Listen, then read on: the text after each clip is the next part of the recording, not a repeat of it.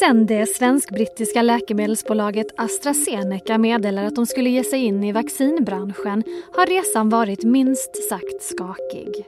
Rubrikerna, och de har varit många, har handlat om försenad produktion, uteblivna leveranser, exportbråk och nu senast om eventuella biverkningar som kan kopplas till deras vaccin. Flera länder har just med tanke på biverkningarna pausat vaccineringen med AstraZeneca, däribland Sverige. I alla fall när det här avsnittet spelas in onsdagen den 24 mars. Så hur mycket stryk har AstraZenecas varumärke tagit av alla turer? Hur borde de ha kommunicerat med omvärlden? Och hur lätt är det för ett företag att reparera ett skadat förtroende? Det ska vi prata om i dagens Aftonbladet Daily.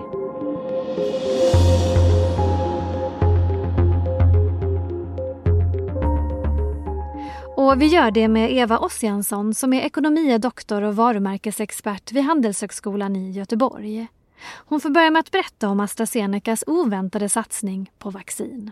Ja, alltså AstraZeneca hade ju någon slags positiv inställning till det här att, att de skulle ju vara the good guys, de skulle ju vara det här företaget som någonstans eh, ja, skulle lösa det här problemet och att man tog sig an den här utmaningen som hette duga i vaccinracet.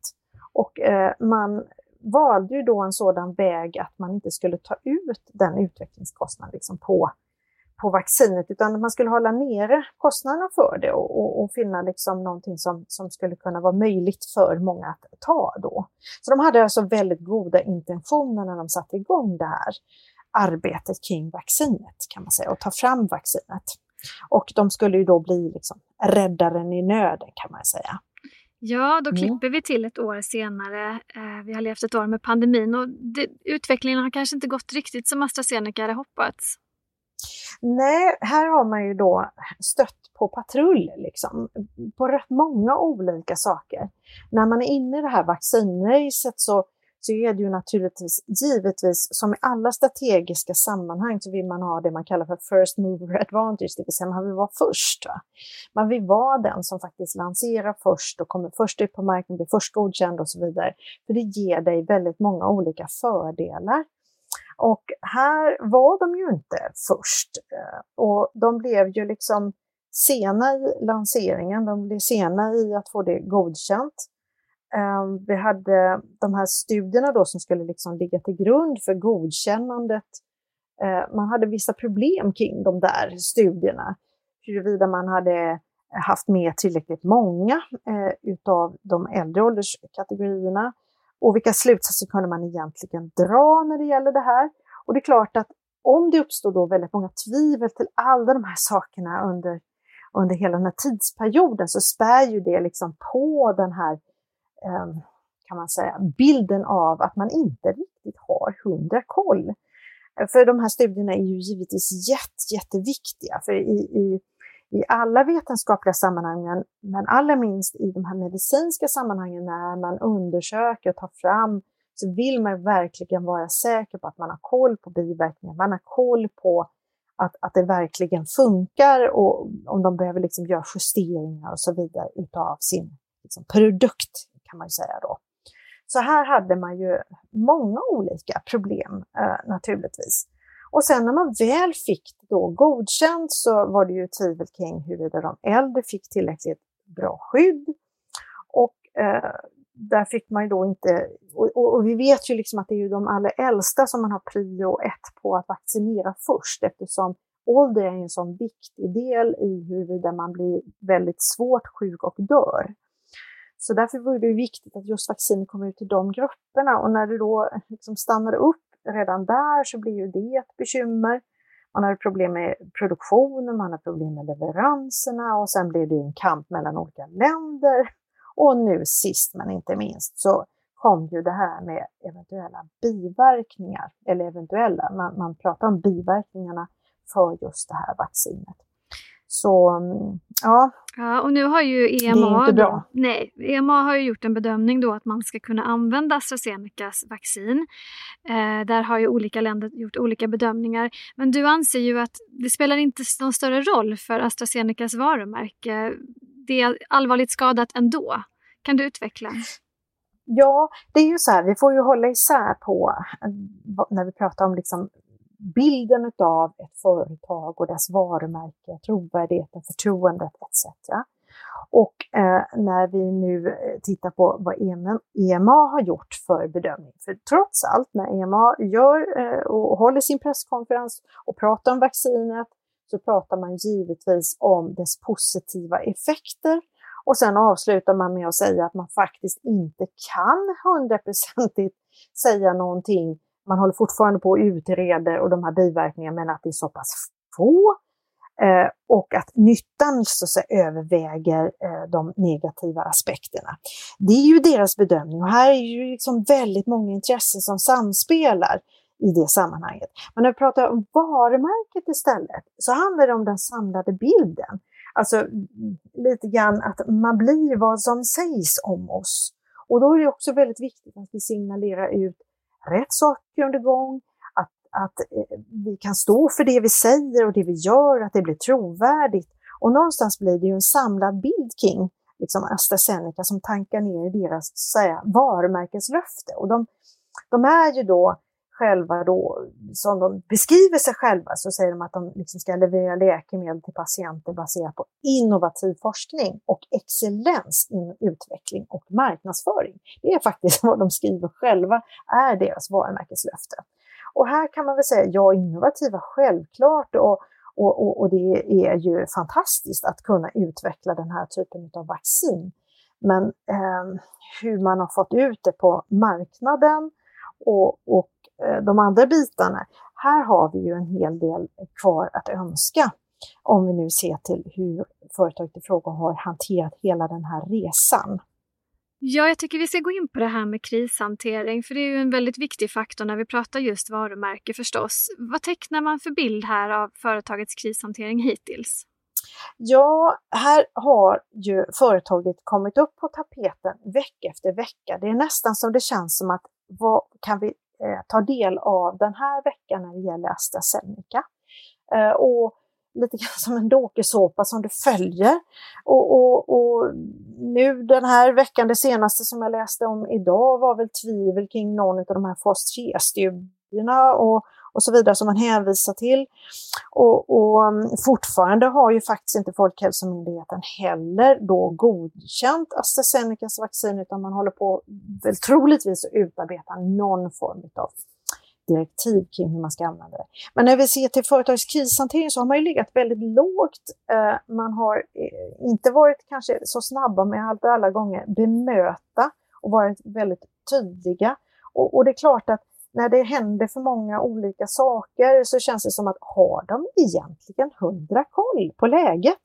Alltså, man kanske inte ska gå ut och lova vissa saker, man kanske inte ska gå i god för vissa saker om man inte klarar av att leverera, att producera och så vidare, utan att man, att man ser till att ha koll på grejerna. Och givetvis så, så får man ju inte fallera de här första studierna som är så viktiga för att visa om vaccinet funkar och så vidare. Va? Men om vi pratar just kommunikationen utåt, alltså hur borde de ha agerat då? För att jag antar att de inte räknade med att stöta på så mycket patrull som de har gjort, men när de nu väl gjorde det, hur hanterar man en sån situation bäst? Man, man hanterar den ju givetvis bäst med att visa på att man ett, har koll på läget och att man gör saker som fortsatt bygger förtroende. Eh, de har nog underskattat delvis att det här är en så otroligt stor fråga och det är så viktigt att någonstans vara transparenta, öppna och tydliga eh, under gång och, och verkligen jobba med sin kommunikation. För här, här har det varit lite för tyst, lite för länge. Man har inte agerat tillräckligt snabbt på de här olika sakerna, vilket gör att det uppstår ju ännu mer frågetecken och ah, är det nu så här att de vet någonting som de egentligen inte vill berätta och så vidare. Och sånt där får ju inte får ju liksom inte, de tankarna får inte komma, utan det är bättre att man är jätte, jätteviktig och givetvis så måste man ju komma med någon positiv del av kommunikationen som kan liksom väga upp det andra. Så här, här har man ju gjort ett misstag tycker jag. Mm. Tror du att man PR-mässigt är extra sårbar när man så att säga verkar inom en bransch som har att göra med så tunga frågor? Alltså det är ju ändå liv och död som står på spel någonstans. Ja, det är givetvis otroligt viktigt, men kanske i den här situationen, den är ju rätt unik. För hade vi pratat om läkemedelsbranschen som sådant när vi inte rådde en pandemi, då hade det varit lite, lite annorlunda tror jag, för att då får vi inte det enorma fokus som vi får nu kring liksom specifika företag. Men märk väl, om vi nu bara gör en kort jämförelse så skulle vi kunna tänka att Pfizer-Biontech till exempel, ja men de har ju också haft människor som faktiskt fått proppar och fått biverkningar och lite andra saker. Eh, och de har också haft leveransproblem under gång, speciellt i början eh, då. Men eh, märk väl, där har inte alls varit den liksom, eh, negativa bilden som har liksom byggts upp över hand, utan det har klarats av att hanteras, kanske just för att det blivit så mycket kring AstraZeneca också eh, som är viktigt. Men under den här pandemin så blir ju fokuset något så enormt stort och har man då dessutom gått eh, liksom ut i bräschen och sagt att vi är de som verkligen ska leverera och, och, och länderna har ju på sig framförallt utav AstraZenecas eh, vaccin och det löftet då, eftersom det givetvis var det som skulle lösa det hela till en rimlig peng. För här är det också fråga om hur mycket det kostar, va? för det här kommer ju kosta rätt så mycket, men det är ju liv och död som du beskriver här också som man hanterar. Men är inte kritiken lite orättvis då på ett sätt? För jag menar, för ett år sedan trodde ju alla att det var omöjligt att ens få fram ett vaccin och Astra har ju ändå lyckats få fram ett vaccin. Det kan man ju givetvis tycka att det är orättvist, för det är ju helt fantastiskt att de har fått fram det. Men i, när vi pratar om kommunikation och krishantering så är det jättemycket som kan vara ofantligt orättvist för att man eh, kommer eh, att komma mer i liksom få mer negativ publicitet eller mer negativa skriverier. Precis som jag sa, om vi jämför med de andra bolagen, så har det liksom inte pratats så mycket. Och det, det har ofta, det blir ofta så att när du liksom samlar på dig för mycket olika sådana negativa, eh, negativ kommunikation och ingen rök utan eld, ah, men nu blir det någonting nytt. Då blir ju det också lite grann av ett självspelande piano, att fokuset kommer att bli kring det tills man har tagit sig ur detta.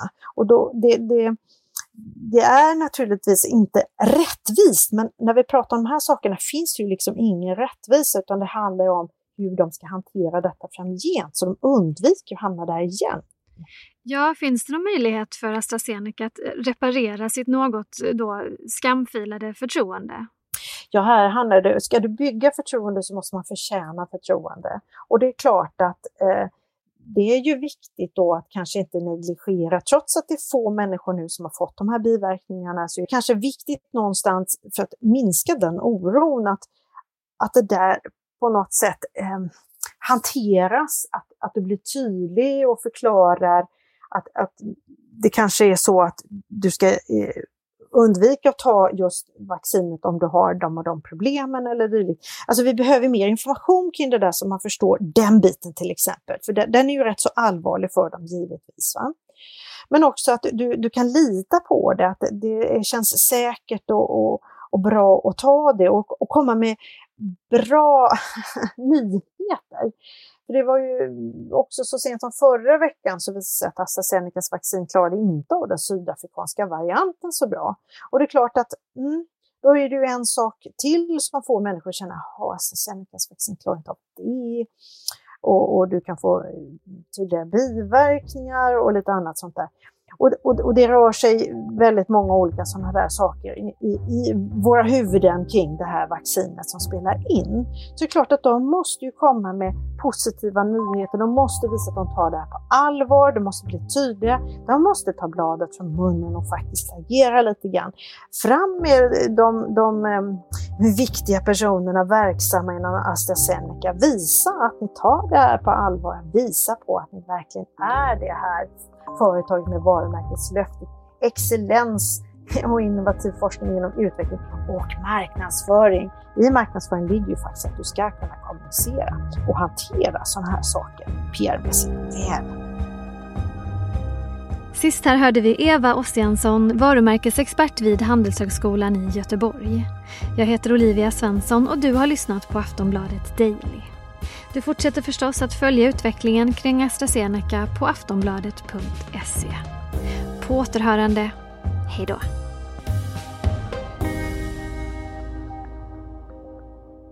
Du har lyssnat på en podcast från Aftonbladet. Ansvarig utgivare är Lena K Samuelsson.